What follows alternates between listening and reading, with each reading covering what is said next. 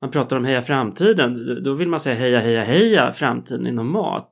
För att om vi lyckas få matsystemet rätt så kanske vi kan vrida klockan tillbaka, rädda planeten, rädda alla människorna och bli så snabba och smarta som vi, som vi faktiskt kan bli.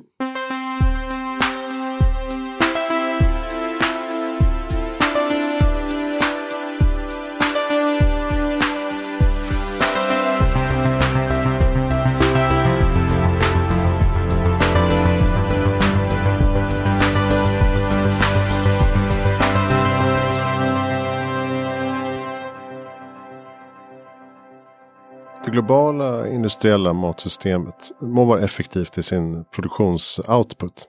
Men det är inte särskilt hållbart i längden. För hur kan det komma sig att vissa människor svälter samtidigt som vi slänger en tredjedel av den mat vi köper? Andra äter ihjäl sig. Så hur ska vi kunna optimera det här näringsintaget så att vi håller oss friska så länge som möjligt? Hur ska vi kunna mätta 9-10 miljarder människor på ett hållbart sätt i framtiden? Ja, kanske kan teknik i kombination med smarta hjärnor hjälpa oss att finna några av de här svaren. För techvågen har nämligen äntligen nått våra tallrikar. Och när världens största industri utmanas och förnyas från alla möjliga håll, då kan det hända riktigt spännande saker.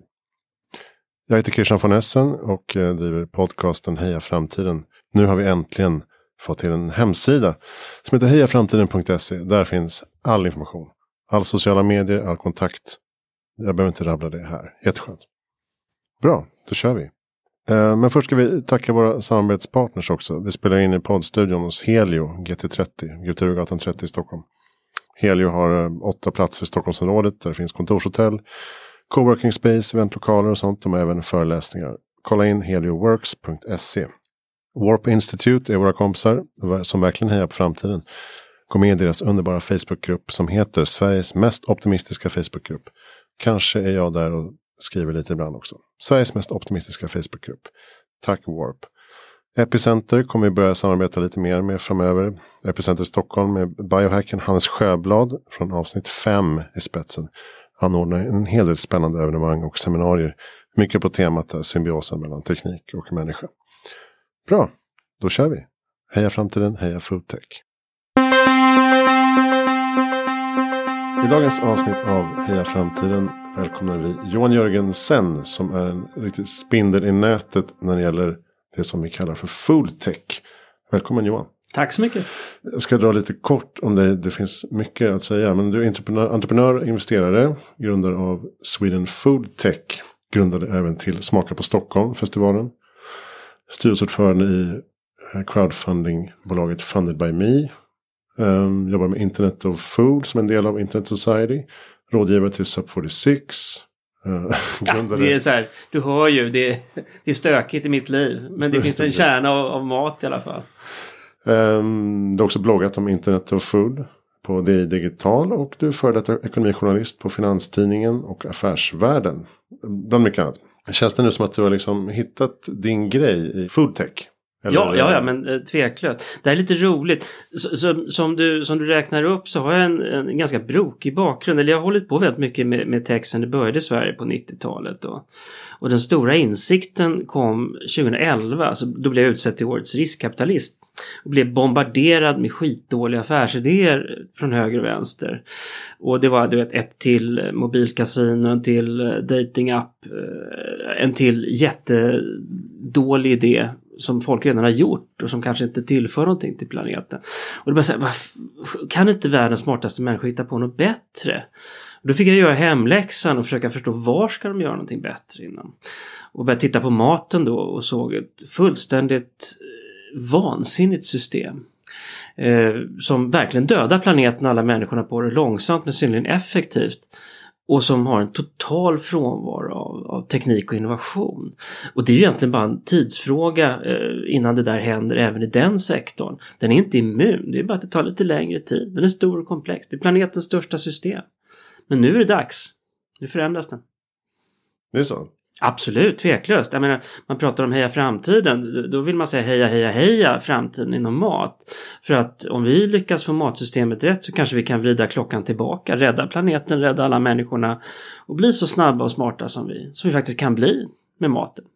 Hur ska vi definiera foodtech då för den som inte känner till begreppet? Ja men foodtech eh, kan egentligen enkelt definieras som omstöpningen av matsystemet med hjälp av teknik.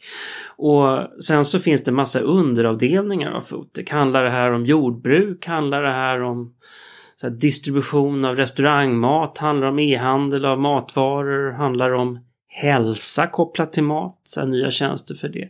Det är ett väldigt vitt, vitt spann. Matsystemet är ju jättestort.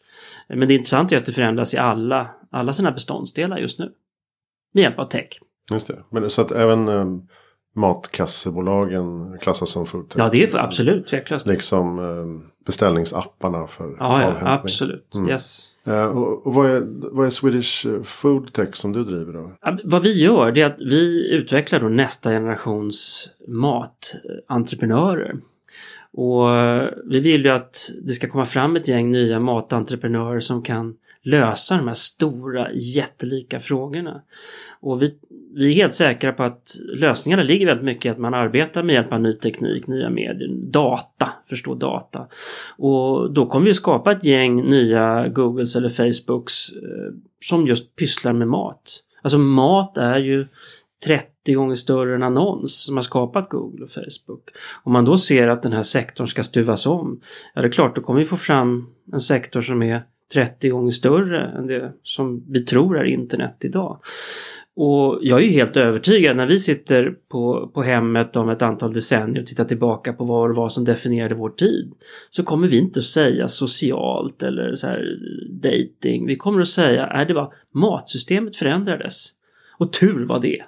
Men hur ska det, detta gå till då? För att jag menar, fler dör av övervikt än svält idag. Vi slänger en tredjedel av maten vi köper. Hur ska vi liksom stöpa om systemet med de här stora mäktiga jättarna som sitter och ja, det, älskar sina industriella processer? Exakt, men det är stora industriella processer precis som du säger. Och, och Eh, så här, övervikten, eh, jättestora, så här, vi slänger en tredjedel precis som du säger. Allt det där är effekter av ett dåligt industriellt system. Och vi måste göra det här matsystemet postindustriellt istället. Fokusera på data och kunskap som vi egentligen har, har släppt till förmån för massiva marknadsföringskampanjer och, och distributionskraft. Det intressanta med matsystemet är att det är nog det minst transparenta systemet jag har stött på. Ingen vet någonting. I den mån de vet så släpper de inte ut datan ur systemet. Och alla andra system myser ju när de får se stora datamängder. Då kan de lägga nya lager, nya tjänster ovanpå. Och, och det är det som matvärlden också behöver. Vi behöver ju veta varifrån de här tomaterna kommer, hur långt de har åkt, hur mycket vatten de har fått, mycket bekämpningsmedel som har gått in i dem, vilka näringsvärden de har, för att vi ska kunna ta beslut om dem. Det här att vi handlar mat enbart på pris idag, det är ju, det är ju nästan löjligt. Vilken annan bransch handlar varor enbart på pris? Det där var en snygg skjorta. Nej, nej. Den, det handlar bara om pris. Liksom. Det, det, det är löjligt. Eh, och, och, vi måste därifrån. Mat påverkar ju så mycket annat. Framförallt, framförallt vår hälsa. Och inte bara den planetära hälsan utan också vår egen personliga hälsa. Som du sa, det, det är mer än hälften som är övervikt. Eller så här, det, det är mer än hälften av problemet idag är övervikt och inte, inte undervikt längre. Och tittar du på sjukvårdskostnader så 80 till 90 procent av alla sjukvårdskostnader i hela världen eh, handlar ju om att hantera kroniska sjukdomar. Vad får du kronisk sjukdom av? Jag gör en av två saker. Du röker eller så äter du fel. Så eh, rökning kan jag inte göra någonting åt men, men vi ska äta bättre. Det är det jag ska försöka lösa. Och just där kommer ju eh, spårbarhet in till exempel. Och, eh, man pratar ju om att nanoteknik ska kunna underlätta till exempel eh, spårbarhet och stävja matfusk och underlätta certifieringskontroller. Och så här. Kommer man kunna liksom spåra i princip varenda liten grönsak i framtiden? Eller Absolut, ja, ja, tveklöst. Alltså, jag, jag, tror att sen är det bara frågan om hur lång tid det tar. Det vi jobbar med inom Internet Society som du nämnde i början, det är ju en intresseorganisation. Internet Society är en intresseorganisation där man sätter standard för hur internet funkar. Och ungefär om tio år så tror jag att vi kommer ha en standard i internet som kommer att göra det möjligt att hantera digitala aspekter av matobjekt. Och då pratar vi konceptuellt ner på enskilda riskorn potentiellt sett. Sen kanske inte det kommer att hända direkt från början men, men konceptet kommer att vara att alla riskorn kommer att ha en identitet som kommer att vara spårbara någonstans eh, digitalt. Om vi pratar om matsvinn då, som ju som bekant är en, ett väldigt stort problem. Um, där du deltog bland annat i en film som Electrolux gjorde nyligen. Som heter 10 stories about food waste. Som är väldigt snygg framförallt. Eh, mm. Tankeväckande. Berätta lite om, om konceptet bakom det där. Varför, varför är det här systemet så ruttet? Det är egentligen grundfrågan. Jag tror att det är så himla enkelt att det har blivit det. Det är inte, det är inte så att det här systemet är befolkat av massa ondskefulla jävlar som, som, vill, som vill döda oss och planeten eh, och ta lite profit där. Men ja, det är inte så utan det har bara blivit snett och nu måste vi rätta till det där. Matsystemet är egentligen fullt av väldigt trevliga, engagerade, kunniga, duktiga människor. Det handlar nu om att, att vi ska ge dem rätt förutsättningar för att ta fram de fantastiska produkter som, som de faktiskt gör och få, få förutsättningar för att producera det som marknaden mår bäst av att producera. Och idag är det inte riktigt så i systemet för det premierar att du ska producera jättelika volymer mot en världsmarknad och sen ska processas i jättestora fabriker och pumpas ut på jättemånga jättestora lastbilar till jättestora omlastningscentraler till jättestora köplador. Och det är inte det systemet som, som vi behöver egentligen. Människan måste koppla sig själv tillbaka närmare till maten och då är det inte att vi alla ska odla själva men kunskapsmässigt måste vi förstå maten mera. Några av matsvinnslösningar då till exempel i den här filmen är ju frysning, eh, individuell mat, eh, säsongsbetonad mat, eh, bycatch som man kan servera. Men det är samtidigt fortfarande på liksom liten skala. Hur ska man liksom skala upp det här? Eller måste man det? Ja, oh ja vi måste skala upp det här fantastiskt mycket. Det, det, det finns massa små fina initiativ eh, och en del du vet, så hipsters i centrala delar av Stockholm och, och Brooklyn lever antagligen hyfsat, hyfsat miljövänligt idag. Och hyfsat hälsosamt. Men sen handlar ju den stora frågan om hur kan vi få det här till de stora massorna? Det är lite grann de stora dragens förändringar vi behöver. Vi kan välja en enda sak. Alltså, sluta vi äta kött, då har vi löst problemet. Men eftersom människan antagligen inte kommer att sluta äta kött och vi kan i alla fall inte tvinga alla människor att ta det beslutet här och nu. Så, så måste vi jobba med att få människor att förstå vad som är bra för dem tror jag. Steg ett. Så här, visa den här transparenta datan. Så här, vi, är det verkligen så här bra att du köper den här tomaten för den innehåller ju inte så mycket näring. Den innehåller väldigt mycket CO2-utsläpp och den innehåller kanske inte så schyssta arbetsvillkor. Så här, ska du verkligen handla det där? Om du får se den här datan, ja det är klart, då har du bättre förutsättningar för att ta vettiga beslut. Precis som du tar vettiga beslut i alla andra sammanhang. Tillbaka till grejen, det är inte bara pris det handlar om. Men matvärlden då har blivit att bara handla om pris. Vi måste föra tillbaka de andra aspekterna av det. Men tror du att eh, gemene man är mottaglig för mer information och data? Så kommer det påverka livstidsbeslut? Ja, det kommer det göra. Tveklöst. Alltså, hälsa och hållbarhet är ju fantastiska saker som, som människor bryr sig om idag. Och jag tycker det ska bli väldigt roligt att se vad som händer när mer och mer av mathandeln flyttar online. För går du och handlar på, på säg Amazon, handlar mat på Amazon eller de stora detaljhandelskedjorna i utlandet. Där är 50 000 produkter eller 100 000 produkter som du kan välja mellan. Hur väljer du då? Du kan inte gå gång upp och gång ner och kolla på alltihopa. Du filtrerar. Du kanske slår på filtret. Ja, men jag ska bara ha saker och ting som är bra för mig eller innehåller schyssta arbetsvillkor eller mindre än 10 socker eller vad det nu må vara. Och sen så, ja men vad bra, då sorterar vi fram de alternativen och sen så väljer du att gå i den typen av, av sorterings eller filterhierarkier istället när det gäller att handla din mat. Och då spelar det liksom ingen roll hur mycket så här Chocopops står och hoppar och viftar med sin marknadsföringsflagga där, för de är bortsorterade, de finns inte i ditt system. Och det är lite grann det hoppet som jag sätter till tech och data, att de ska hjälpa oss att ta bättre beslut. Och det är klart att du kan ju ta ett bra beslut och säga, ja men jag vill vara både billig och hållbar ja men då kan du få den typen av produkter och den typen av hjälp till att laga det här. Det kommer antagligen vara en hel del gryn, en hel del bönor, väldigt mycket fräscha färska grönsaker. Så, så du kommer kunna äta superbra. Men det kanske är så att vi måste bli utmanade och hjälpta att gå bort från vet, det vanliga, så här falukorv, eh, biff med löksås och vad det nu må vara för någonting. Tror du på skatter och regleringar för att eh, ja. förbättra hälsa och klimat? Absolut. Jag tror att det är massa saker som måste samverka och skatter och avgifter är jättebra. Eh, sockerskatt, köttskatt, all four. Det är bara in med dem så snart som möjligt, så höga som möjligt. Mm. och jag tror att man måste, man måste jobba med den typen av styrmedel. Eh, mm. Jag tycker det är helt absurt att vi har samma låga moms på chips och läsk och godis som vi har på frukt och grönsaker. Det, det, det finns ingen logik. Jag har total mental disconnect när, när jag ser det där. Det är tydligen så också att man kan köpa cigaretter fortfarande i matbutikerna. Eller så här absurt att man har börjat samköra eh, apotek och matbutiker. Det är lite så här roligt. Så du går in i matbutiken och så handlar du maten. Sen kan du gå in på apoteket också och ta hand om problemet som den här maten du just har handlat ger upphov till. Det finns mycket absurditet. I USA räknar man nu med att uh, varje person äter ungefär 100 kilo kött under 2018.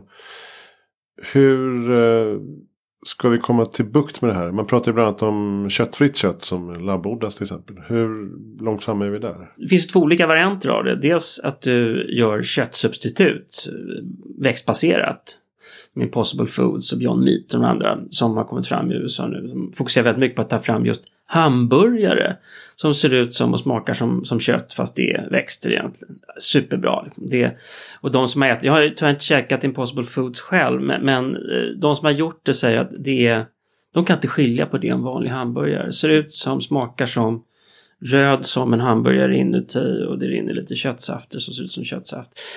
Jättebra, kan du få den typen av substitut som är minst lika bra, helst bättre, ja då kan du få det där skiftet. Då har inte folk längre någonting att sätta emot. Det är svårt att få till de här umami-smakerna om du mm. inte använder kött. Och umami-smaker, det, det är där som du sätter tänder en saftig hamburgare, det är det du får, den umami-kicken. Där måste ju grönsaker och, och plantor bli bättre. Så, så det är den ena biten. Sen labbodlat kött, är ju fa fantastiskt fascinerande att du kan i en bioreaktor, eh, typ samma typ som du gör öl i, kan odla kött. Och då kommer den intressanta frågan, vad är det godaste köttet då? Är det så här? Är det oxfilé eller är det pandakind? Eller vad är det för någonting? Och, och då kan du göra vilket typ av kött du vill. Och kilopriset blir detsamma ändå. Mm. Eh, så, så det är klart att det är intressant. Inga djur dör i processen. Ja, det är en intressant fråga helt enkelt. Tio år från nu ungefär, säger de som är, är forskare på det här området. Att vi kommer att se vettiga pris, eh, prispunkter på det här. Okej, okay, som inte bara är så här sojakött eller ja, som inte bara är, utan... Nej, utan det är så här, det här är labbodlat kött. Mm. Och sen som folk vill ha det eller inte, det är en annan femma. Det, ja, antagligen.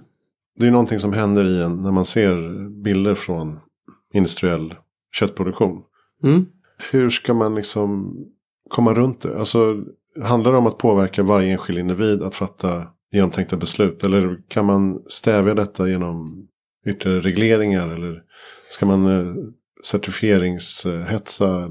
Du ska göra allt, allt samtidigt. Va? Du ska ha köttskatt, du ska ha stenhårda regleringar och stenhårda kontroller inom inom eh, hanteringen av ja, djuruppfödningen och så vidare. Eh, vi är någorlunda duktiga i Sverige. Sen är det jätteskrämmande att se hur det kan se ut på andra håll i världen. Och jag tror att väldigt mycket av, av det som vi skulle behöva ha är mer transparens. Jag är ju känslig för det här, jag grisar själv som husdjur. Och det, mm. Nej, klart att jag kan inte äta gris, jag kan inte äta julskinka, det går ju inte. Vad, eh, vad gör grisarna? Bökar omkring på tomten? Eh, äter rester, mm. skulle jag säga. Det är väl det de äter rester och sover. Det är väl det en gris gör mest, bökar. Lite mm. sådär. Eh, sen så är de ganska roliga och kul djur att ha att göra med också. Så att, så det blir fantastiska husdjur. Grisar är helt klimatneutrala. Så, så vi, det finns mycket vi kan göra mm. även, även på den, den delen. Så ska du ha klimatneutrala husdjur, guldfiskar och grisar. Det är den typen av saker vi kanske måste vänja oss vid också. Då. Just det. Det blir inget matsvinn i ditt hem? Nej, inte mycket. Jag har en sån här matsvinnstunna utanför som man kan sortera i. Men det, det är väldigt lite faktiskt som går i den. Och det har att göra dels med att vi är duktiga på, eller någorlunda duktiga på att inte slänga grejer eh, för oss själva. Och det, det som man ändå slänger, om man då äter mycket växtbaserat, så här, då kan ju grisarna få. Om man ser på jordbruket då, det, det var ju, känns som att det var lite nere på fallrepet och nu får man en nytändning på sätt och vis. Kommer vi ha traditionellt jordbruk kvar i framtiden? Eller eh, vad tror du? För att det industriella jordbruket har ju, har ju påverkat mycket eh, negativt med utarmat jordar och övergött eh, Östersjön och sådär. Samtidigt som det bidrar till kanske öppet, öppna landskap, biologisk mångfald och arbetstillfällen. Och sådär. Hur ser du transformationen i jordbrukssektorn? Alltså vad, vad står de inför?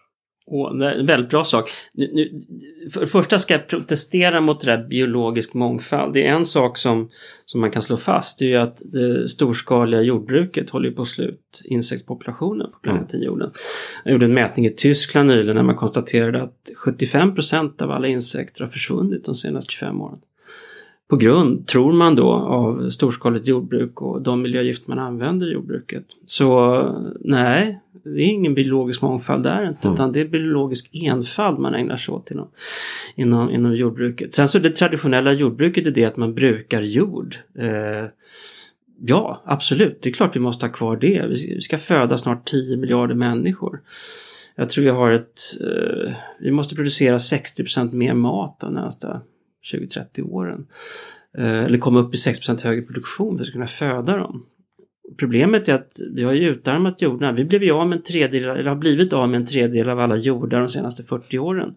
På grund av att man har kört dem för hårt. Så det är väldigt få jordar av planeten som inte är påverkade av vårt så här, uttag av näring. Många jordar är bara odlingssubstrat. Allt du vill att grönsaken ska få i sig från jorden, det måste du tillföra till jorden.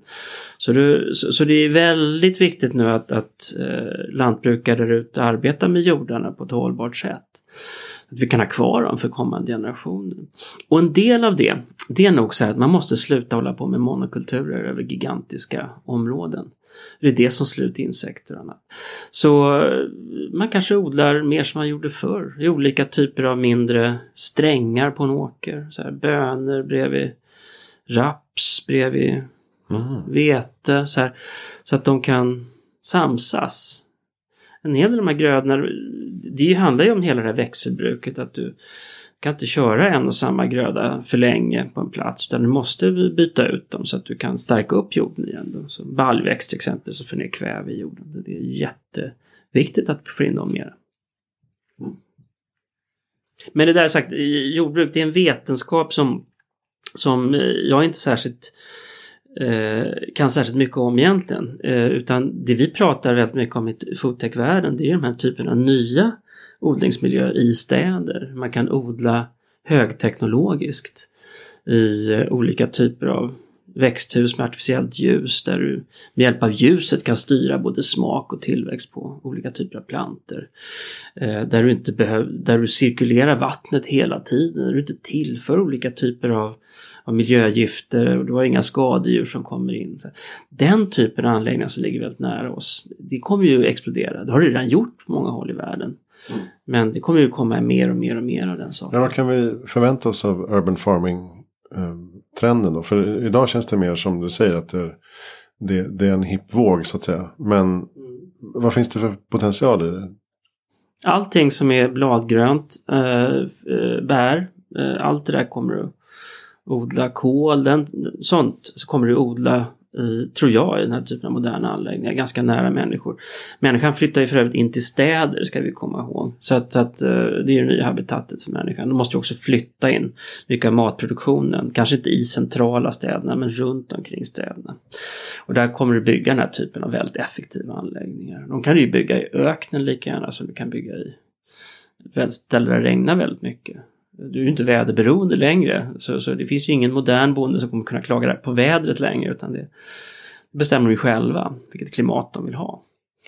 Eh, och den typen av miljöer är ju hypereffektiva, inte minst för att du kan koppla dem in i resten av matsystemet. Då. Man kan inte bara se de här produkterna som man producerar som produkter som ska ut på en marknad. Eh, Odlar du sallad i en sån här modern anläggning, då vet du precis hur mycket sallad du får ut. Vilket innebär att du kan ju sälja det här på långa kontrakt. Sjukhuset vet att vi ska ha 30 salladshuvuden varje dag under så 12 månader per år. Jaha, ja, då vet man ju det. Då kan man ju planera för det. Och du kommer aldrig få någon så här vädertopp eller så här insektsinvasion, någonting annat som stör din salladsproduktion. Det innebär att du kan räkna hem den här anläggningen ganska enkelt. Men är det inte initialt eh, höga investeringskostnader? Jo. Är det som skrämmer investerare? Det det, ja, det, jag kan inte påstå att, säga att det skrämmer om dem. Snarare att de pumpar in massa pengar i det här.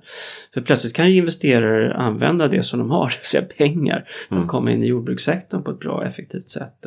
Eh, man ska ju inte glömma att det är ganska dyrt att köpa land också om du ska komma in och bli bonde från noll. Så här, vad, vad, ska du göra då? Ska du köpa massa åker eller ska du köpa en modern produktionsanläggning? Egentligen den enda som har råd att vara bonde idag, det är någon som har ärvt sin gård. Mm. Det är svårt att köpa en gård och få den lösen. Hur viktigt är det då att vi, att vi köper ekologiskt? Med risk för att svära lite grann här i kyrkan då så eh, det finns så många värden. Eh, så här, ekologiskt är jättebra. Eh, men innehåller det schyssta arbetsvillkor? Eh, och vad är ekologiskt? Eh, hur långt har det transporterats? Eh, det, det, är så många parametrar som man måste ha med sig. Rent generellt så ja, alla ska jobba ekologiskt. Inga, inga gifter och jordarna ska hålla och vi ska, vi ska ta hand hand om det ekologiska kretsloppet. Eh, det är jätteviktigt. Men vi måste nog ha alla data på plats för att vi ska kunna veta.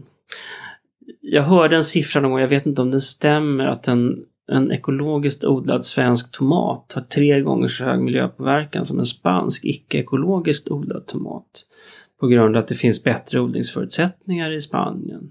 Mm. Och att själva transporten inte är särskilt miljöbelastande jämfört med andra delar i produktionsprocessen. Så man ska nog vara ganska eh, ärlig när man, när man räknar och tittar på maten. Man verkligen, verkligen förstår vad som ligger bakom. Det är så mycket religion i maten. Det är, man tror på saker och ting. Jag tycker att vi ska gå mot att veta saker och ting istället. Men, men det är det certifieringarna hävdar att de gör då. De sätter en tydlig stämpel så att man vet. Men det finns ju många olika certifieringar. Och många parametrar inom dem också. Exakt. Hur ska man liksom, du pratar om data och informationsflöde och så här. Hur ska vi hur kommer i framtiden eh, att titta på matvaror överhuvudtaget? Ja, via data. Eh, det är mm. jätteenkelt. Tittar du på eh, så enkel sak som om du ska börja sälja saker online eller köpa saker online. Maten går åt det hållet också. Va? Centrala delar av London, alltså 30% av all mat som handlas, handlas ju faktiskt online. Och eh, vi går åt samma håll i Sverige och alla andra urbana miljöer givetvis. För det är effektivare och enklare på alla sätt och vis. Och ska du in, ska du sälja grejer online, eh, måste du ha mer produkter, du måste ha data, annars är det omöjligt att publicera den där produkten. Har du jättemånga produkter, måste du ha data så är det möjligt för kunden att filtrera produkterna. Så, så data måste ju fram. Och då tycker jag det är viktigt att man inte bara använder så här approximerande data, säger att en tomat generellt innehåller så här mycket CO2. Så här. Ja men det beror väl på om den kommer från Peru eller om den kommer från Spanien eller, eller mm. viken. Så, så då måste vi veta de där lite mer specifika parametrarna. Ja, så, så konstigt är det ju inte. Varenda produktions, normal produktionsprocess eh, i alla andra sektorer producerar ju data samtidigt som producerar grejerna. Den datan kan du ju så här, peka på en produkt och säga men den här produceras på det bandet vid den här tidpunkten med den här typen av komponenter. Det är klart att vi kan göra samma sak med maten. Att säga att det inte går, att, det, det är bara löjeväckande. Men, men jag menar hur ska man presentera det i en butik till exempel? Alltså jag förstår online kan man ju filtrera och göra sökbart. Men om det går i en grönsaksdisk. Det kanske är så att man, man har ett löfte i butiken så att våra grönsaker uppfyller dessa miniminivåer. Mm. Eh, så att de har inte större miljöpåverkan än så här. Så du kan vara säker på de grejerna. Sen så är det butikens problem att hantera det. Det skulle jag tro, eh, ett enkelt sätt. Men jag skulle återigen vilja slå ett slag för att den butiksmiljö som vi alla pratar om när det gäller mat, man går in på ICA eller Hemköp och så vidare. Det är inte den butiksmiljön som kommer att förändra hur vi äter utan det är online som kommer att förändra hur vi äter. Mm. Och, och, jag tror också att det gäller för oss att inse och för hela matsystemet att inse att den här miljön när vi går in och handlar, vi lämnar ju vår egen vilja vid entrédörren och, och sen är ju vi egentligen lätt, lätt lurade konsumenter i den här, i den här butiken. Och vi styrs ju väldigt mycket av butiken vill sälja till oss. Så, och vi kanske måste få, inte vad butiken vill sälja till oss utan vad vi ska köpa på grund av vad vi vill uppnå med maten. Mm. Inte minst hälsomässigt. Det är, ju, det är ju så att vi kan ju styra vår hälsa via det vi äter. Fullständigt. Kanske inte från dag till dag men över en, över en livstid. Jag kan ju bestämma mig för att jag ska äta mig själv frisk. Uh, och då kan jag göra det. Men jag behöver lite hjälp på vägen. Och, och då kanske inte rätt modell är att ha godis vid kassorna liksom, uh, och att jag handlar vid när jag är som hungrigast. Då kommer jag ta fel beslut. Även om man egentligen logiskt vet vad jag ska ha. Så, så känslomässigt, uh, pingar röd kartong i ögonhöjd jag kommer i alla fall på något sätt inte handla det jag ska i en sån miljö. Så utmaningen är lite grann att ge människan miljön som gör hennes matkonsumtion bra för henne och planeten. Skulle man kunna ställa högre krav då på eh, livsmedelskedjorna kanske? Ja, absolut. De borde ställa högre krav på sig själva. Och jag mm. tror att de, de ställer en del krav på sig själva blir bättre och bättre. Men, men det är ju absolut inte på den nivå man skulle vilja. Så man går runt i en livsmedelsbutik idag och så tittar man på, på grejerna som är på hyllorna. Så säger, är det här verkligen bra? Gå och titta på eh, yoghurthyllan. Och så, så utmana dig själv och hitta någonting som inte har minst 14% socker i sig. Det, det, det, en, det, det, tar ett tag för att hitta den grejen. Så, så produkterna där ute är inte alltid så himla bra. Ibland har, och sen har du ju själva förpackningen av produkterna som också lämnar mycket övrigt att önska. Va? Så om jag ska vara miljövänlig och, och hälsosam för mig själv och planeten, då kanske jag ska fakturera in produktens paketering också i det här. Mm. Och där har vi inte ens börjat titta. Apropå hälsa så pratar man om en framtida skräddarsydd mat kan bli mer och mer mm. Eh, vanlig. Hur ska det gå till i praktiken tror du? Ja men det är, jätte, det är en jätteintressant utveckling. Tittar du på mat generellt idag så, så finns det så att vi, så rekommendationer på populationsnivå. Vi ska äta medelhavskost eller, eller enligt en tallriksmodell och så vidare. Så här, ja, kanske är bra för populationen som stort, men jag då? Mm. Som, som, som, individ, man är ju sig själv närmast. Vad du och jag ska äta, det, det skiljer sig ganska mycket åt beroende på hur stora vi är, våra DNA-förutsättningar, våra biom alltså tarm, tarmfloran i våra magar, och tarmar, eh, eller vad heter det, bakteriefloran i våra magar och tarmar. Och eh, blodvärden, om vi har tränat, om vi har sovit bra, om det är kallt eller varmt ute, om vi är stressade eller inte. Så det är så mycket saker som samvarierar i det här. Och och det innebär ju att egentligen det enda sättet vi kan förstå det här på, det är på individuell nivå. Så, så det innebär att vi kommer ju tracka oss själva, inte bara hur mycket vi går och springer i framtiden utan också hur vi mår och vad vi bör äta. Och det där kommer ju omsättas givetvis i, ja, här recepten, de här produkterna ska du ha. Och, och du ska ha en sån här stor portion och inte en sån här jättestor portion. Nu kan inte ni se den här studion men, men jag är ju rejält mycket, mycket mindre än du är. Så, det, så eh, i alla fall kortare, men jag är bredare. Eh, och, och det beror ju på att du och jag antagligen blivit serverade samma portionsstorlekar i alla år. Och över tid, ränta på ränta, så blir det ju den här typen av effekt. Mm. Jag käkar för mycket. Och eh, då blir jag rund. Och det är som ett brev på posten om något decennium eller två kommer, ju, kommer jag ju få det här i nacken om jag inte gör någonting åt det. Man pratar till och med om eh, att eh, man kan ha en 3D-skrivare format hemma som printar ut det man behöver. Absolut, och det, nu är du inne på det här. Först ett, vi måste så här inse att vi har olika förutsättningar eh, och vi ska äta på olika sätt. Och så finns det de här tekniska hjälpmedlen som du pratar om. 3D-skrivare är jättebra. Eh, och det finns ju jättemånga sätt att, att och då, då är det ju inte så att en 3D-skrivare funkar som i, eh, någon så här science fiction-film att du talar om för ugnen vad du vill ha så får du ut det. Utan det, det är ju så här, du, du använder ju 3D-skrivaren för att göra en pizza som är precis så stor som du ska ha den med precis de pålägg som du ska ha. Och det är egentligen små mikro industriella maskiner som finns i hemmet. Men de är ju jättebra, de kommer vara lika vanliga i ditt hem om 20 år som en mikrovågsugn är idag. Eh, och det är jättebra för om man är en familj kanske man vill äta samma sak men man kanske behöver lite olika typer av komponenter i den här maten. Då kan man ju få sina individuella, individuella portioner. Individuella storlekar, kanske lite individuella mikronutrienter på den varme selenkvarnen på, ja, på min pizza då, men om det är det jag behöver. Just det. Och i den här filmen som vi nämnde så pratar man om broccoli dinosaurier till exempel. Man kan printa ut till, Just det. till barnen. Precis. Mm. Eh, jätteenkelt, man kan göra massa roliga saker. Toppkockarna i världen idag, de håller ju redan på och leker med sådana här saker för att det är nya färger och mönster, presentera grejer på nya sätt. Nya texturer också. Som gör att du, maten kan smaka på olika sätt. Apropå det, vi pratade om köttfritt kött. Men eh, vilka andra spännande ingredienser kommer vi se framöver? Vi pratar ju en del om insekter och alger till exempel. Som Mm. biologiska grejer som finns i överflöd och som är ganska bra. Helt rätt. Det är mm, insekter, alger, jätteroliga grejer. Eh, Det allra knasigaste, det såg jag eh, för ett tag sedan. Och eh, gäng finska forskare som kan ta eh, växthusgaser, alltså koldioxid. Och med hjälp av energi omvandla det till protein.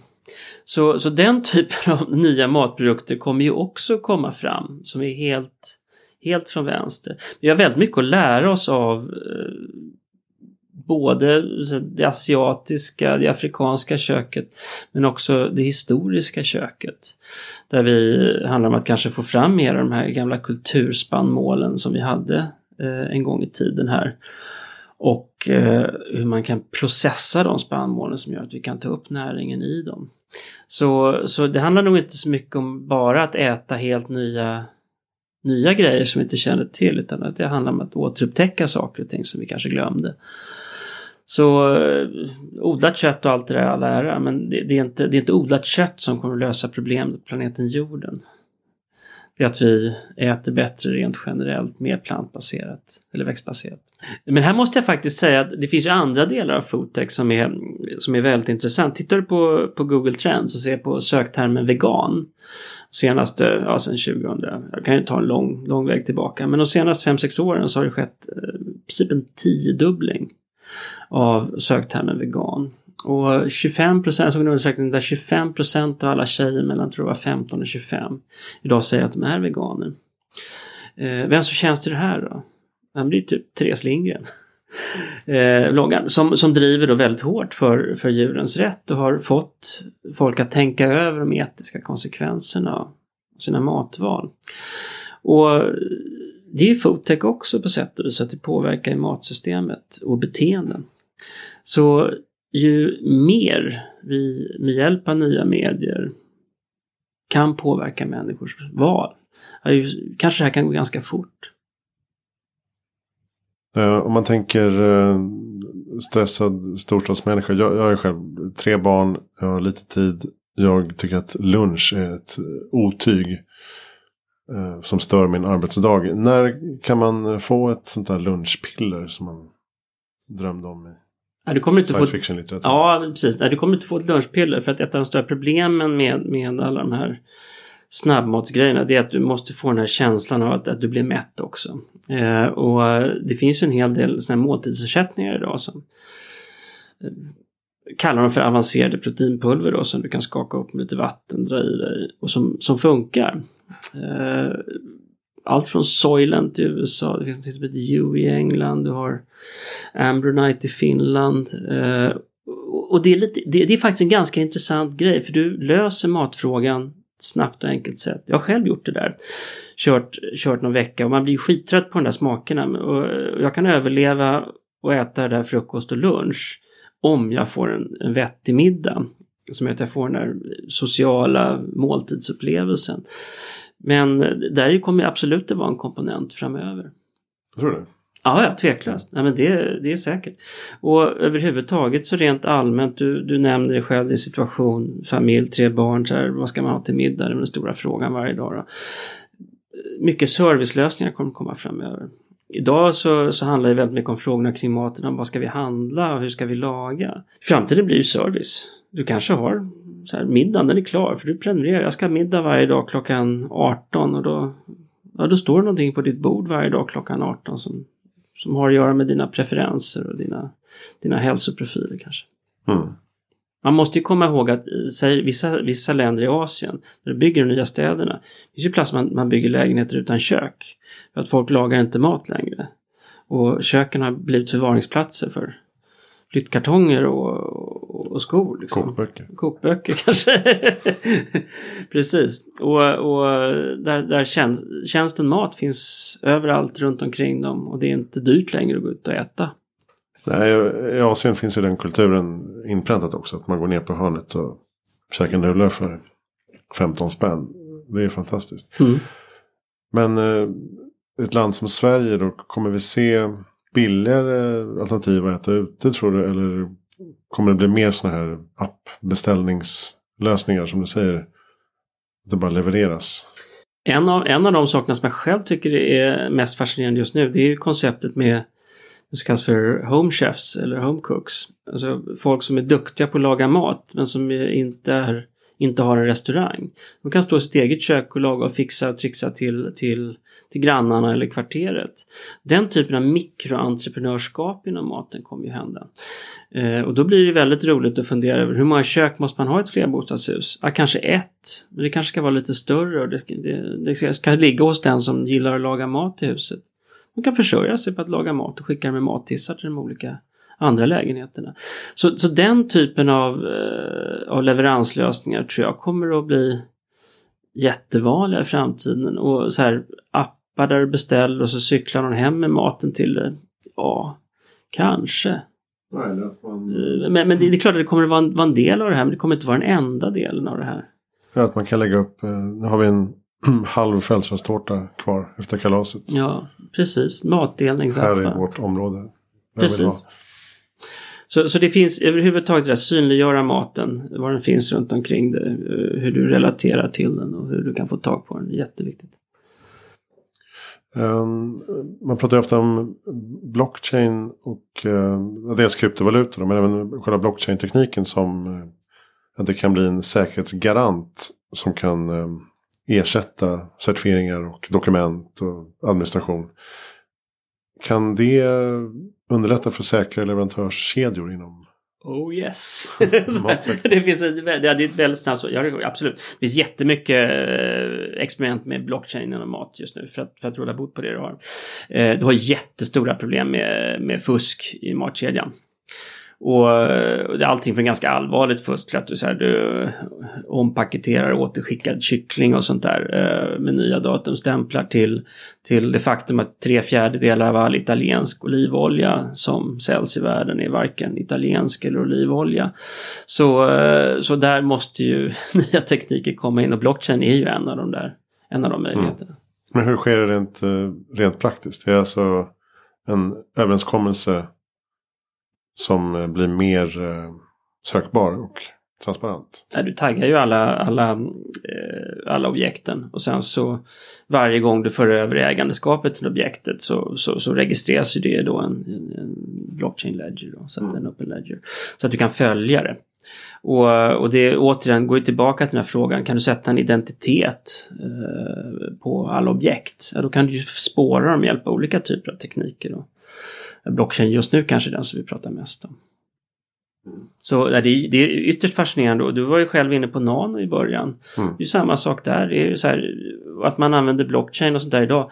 Ja, det är egentligen mest för att, för att nano och DNA-analyser är lite dyrare. Så att, så att är enklare att använda en typ av teknik. Men all information finns ju där i, i DNA på grejerna. Kan du säkra det i början och kan du jämföra, jämföra det i slutet av kedjan, ja, då, då vet du att du har en match. Liksom. Eh, du vet ju att DNA stämmer med det som DNA sa att det var från början. Ja, då, då är det nog ganska hög chans att det är den produkten också. Hur, hur långt eh, vi i Sverige i de här foodtech-frågorna. Man pratar ofta om att eh, vi är duktiga på hälsa, vi är duktiga på teknik, digitalisering. Är det här en bransch som vi verkligen kan ta andelar i? Jag är glad att du ställer Jag har inte ens givit dig lappen med den här frågan på då, men det, det är ju helt korrekt fråga. Nej men så här, det, det är ju en, eh, en grogrund här i Sverige för att bli, göra det här till nästa generations svenska eh, succé. Paritet och förbi skog, bil och stål egentligen.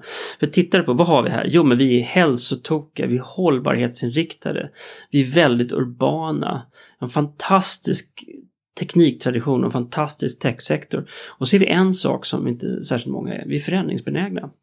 Så, så det innebär att vi, vi kan se allt det här och kan säga, ja men då så, då, då ska vi förändra oss och så gör vi det. Och, och vi gör det ofta i ett system som inte bara är ett rent kommersiellt system, vi förändrar oss i samhällssystem. Och det är nu du verkligen får effekt på de här grejerna. För när du kan förändra ett helt system, inte bara nya produkter, nya tjänstemarknader, ett helt system förändras. Ja, då får du total effekt. Prata om köttskatt exempelvis och sockerskatt. Det är så här, insikten kanske hur vi ska servera för mat i skolor och på äldreboenden och i sjukvården. När vi börjar förstå de där sakerna hänger ihop med skolresultat eller att pensionärer blir friska och pigga eller att, att vårdresultaten blir bättre. Ja, men då har du fått systemlösningar och sånt är vi band med bäst i världen på här. Och kan vi lösa en del av de där knäckfrågorna, ja då, då har vi en exportsuccé framför oss. Vi ska inte exportera svensk fläskfilé till, Kina. Vi ska exportera systemet som tar fram världens mest antibiotikafria fläskfilé till Kina. Det är det vi ska göra. Och det är klassiska svenska paradgrenar. Så rätt hanterat så, så ska vi bli bäst i världen på det här. Det här är nya Silicon Valley för, för foodtech. Tror du det? Absolut. Kan du, kan du dra några spännande startups som, som du stöter på? Åh, oh, det, finns, det finns många. Eh, jag nämnde de här galna finnarna som kan konvertera växthusgaser till protein. Tycker jag är ett fantastiskt forskningsprojekt. Ett annat av mina favoritcase det är ju just ett företag som heter Gastronaut eh, som gör det möjligt för hemmakockar att enkelt börja sälja sina varor till, till, till kunder där ute. Strålande bra, utmärkt catering. Du har ett företag som heter Ignitia som gör väderprognoser i tropikerna. Det, det är jättesvårt att göra väderprognoser.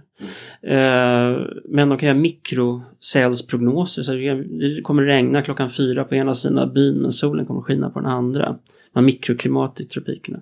Och det gör ju att en, en enkel bonde i tropikerna kan veta om man ska lägga fröna i jorden. Man har inte så många omgångar frön i tropikerna. Man är en, är en så här subsistence farmer då. Så att man kan lägga fröna i jorden och de blir inte bortsköljda av ett sånt här hällregn som kommer fyra timmar senare från en klarblå himmel. Och, och, samma sak med gödningsmedlen. Säsongen, hur kommer den se ut? Ska jag odla aubergine eller ska jag odla majs? Det är sådana där typer av beslut som är jätteviktiga för folk på marken. Och de säljer de här väderprognoserna via textmeddelanden till vanliga telefoner. Världens fattigaste människor köper dem som galna och alla fortsätter att köpa dem för att de kan dubbla sin skörd. Det är foodtech också. Eh, och den typen av företag har vi en del av här i Sverige. Och det finns givetvis massa till. Vi har gjort en kartläggning av 250 till 300 foodtechbolag av någon, någon form av storlek finns det i Sverige. De flesta av dem är jättebra.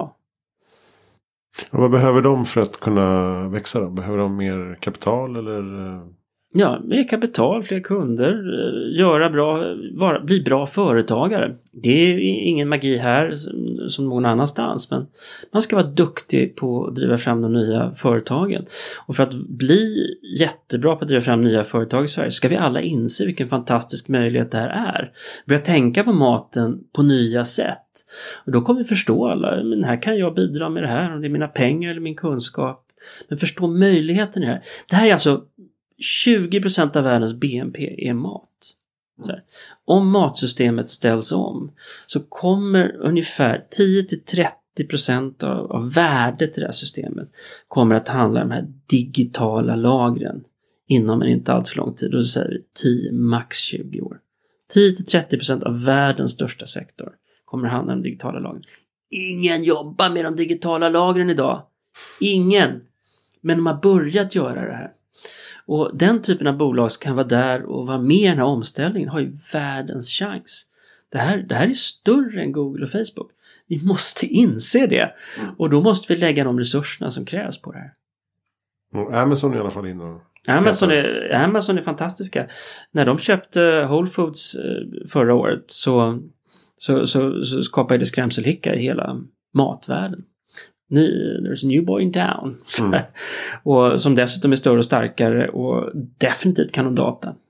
Jobbar med drönarleveranser. Ja, what have you. Mm. Vad, vad är det de inte gör i den här sektorn? Och eh, betalningsfria betalningsfria. Men... Betalningsfria butiker. Så här, ja. Alexa, så här, Alexa så här, lägg tomater i min inköpskorg. Mm. Det funkar ju. Jag menar de här butikerna de faktiskt har fysiskt. Där man går in, ja, där man går in och sen så, så plockar varor och så går man ut. Och så, ja, visst. så dras det från kontot automatiskt. Ja, det är jättebra det också. det är svårt att snatta i de butikerna. Mm. Du, du ledde någonting som heter USA Pavilion Innovation Program. Som um, du tog till världsutställningen i Milano 2015. Kan du bara kort förklara vad var det för någonting? Absolut. Eh, på lite konstiga vägar så, så blev jag ansvarig för det som var innovationsprogrammet hos eh, USAs paviljong på världsutställningen i Milano. Den världsutställningen handlade om då hur man föder snart då 9 miljarder människor på ett hållbart och hälsosamt sätt. Och, och det var ju omöjligt för USA att ta dit eh, de vanliga amerikanska matföretagen, så Coca-Cola, McDonalds, Monsanto och så vidare. Utan, så frågeställningen var så hur kan man på en världsutställning som ska prata framtid, vad är det för framtid vi ska prata? Jo, men prata, låt oss prata det amerikanska tech och innovationssystemet i det här sammanhanget. Så det var det vi gjorde egentligen. Så vi körde acceleratorer för, för matbolag. Vi hade öppna seminarier i paviljongen där kom dit investerare, entreprenörer entreprenörer pratade om hur entreprenörskap funkar, hur man investerar i foodtech och så vidare. Så det var ju väldigt roligt att göra ett sådant innovationsprogram. Den stora chocken på världsutställningen det var ju att eh, vi var ju det bästa innovationsprogrammet men, men det var ju också för att vi var det enda innovationsprogrammet. Det var ingen som pratade eller försvinnande få som pratade framtid på världsutställningen. Och, och det, det lärde mig någonting och, och det lärde mig hur, hur, hur viktigt det är att ta tillvara de andra delarna av matsystemet. Alltså nästa generations matländer är inte alls samma sak som förra generationens matländer. För det styrs av andra grejer. Förra generationens matländer styrdes av tradition, industri. Nästa generations matländer styrs av postindustriell kunskapsproduktion, tjänster, data. Vad är vi bra på i Sverige? Kanske inte världens starkaste mattradition, liksom, men vi är bra på de andra grejerna. Och det innebär att vi kan bli världens nästa matland. Så matlandet Sverige, det är inte vad, vad, vad man tror från, från den för, föregående och den nuvarande regeringens håll. Det är något helt annat. Men det är något mycket bättre. Mm. Vad, vad ser du själv mest eh, fram emot i framtiden? Att vi kan äta planeten frisk igen. Vi har faktiskt den makten i, i hos oss. Så eh, du, du kan faktiskt, om du äter mycket musslor och bönor så kommer du, ju mer du äter, ju friskare blir planeten. Lite grann sådär. Och det, det, finns ju, det finns ju en massa sådana individuella val som vi kan göra, som gör planeten bättre. Det kommer göra dig hälsosammare och din plånbok eh, tjockare i alla fall, för det går inte ut så mycket pengar. Så att, så att eh, om vi börjar äta lite smartare i alla så, så kommer det här att, att kunna lösa sig. Vem tycker du vi ska intervjua i framtiden? Det finns ju jättemånga intressanta personer att intervjua. Eh, tar man, tar man på eh, kocksidan så tycker jag att en som du borde intervjua det är givetvis Mattias Dahlgren. Som eh, den fantastiska kocken som har varit med så länge och hela tiden stått för förnyelse av, av den svenska maten. Och han har gjort om sin fantastiska högklassiga kanske traditionella restaurang till Rutabaga som idag är en vegetarisk high-end restaurang. Fantastisk mat. Och hela den här frågeställningen hur man kan ta steget in i framtiden. Där är han en, en stor förebild för oss alla i matsystemet. Mm. Bra. Avslutningsvis, kan vi enas om Heja Framtiden? Ja, Heja Framtiden, absolut. Framtiden har aldrig sett ljusare ut än den gör än den gör nu egentligen. Den, den, ser, den ser förfärlig ut när man tittar bakåt men tittar man framåt, det är ju det man ska göra. Så finns det alla möjligheter till att heja framtiden blir en, en bra framtid. Det låter som kloka avslutningsord. Tack snälla Johan Jörgensen för att du kom hit. Och hur når man dig bäst? Eh, Swedenfoodtech.com Swedenfoodtech.com. Swedenfood, vill du mejla mig så kan man skicka till johan swedenfoodtech.com. Där kan man hålla koll på nyheter och vad som händer inom den sektorn. Och eh, kanske delta i seminarier och konferenser som dyker upp. Absolut och, och titta gärna också in på smakapåstockholm.se och boka av den 6-10 juni eh, i år när vi kör Smaka på Stockholm i Kungsträdgården där vi ska visa framtiden för hela världen och inte minst alla stockholmarna. Kom dit! Perfekt. Eh, vi heter Heja Framtiden, finns på Facebook och har en mejladress som heter hejaframtiden gmail.com. Jag heter Christian von Essen och nästa gång är vi tillbaka med något helt annat. Tack så mycket för att du lyssnar.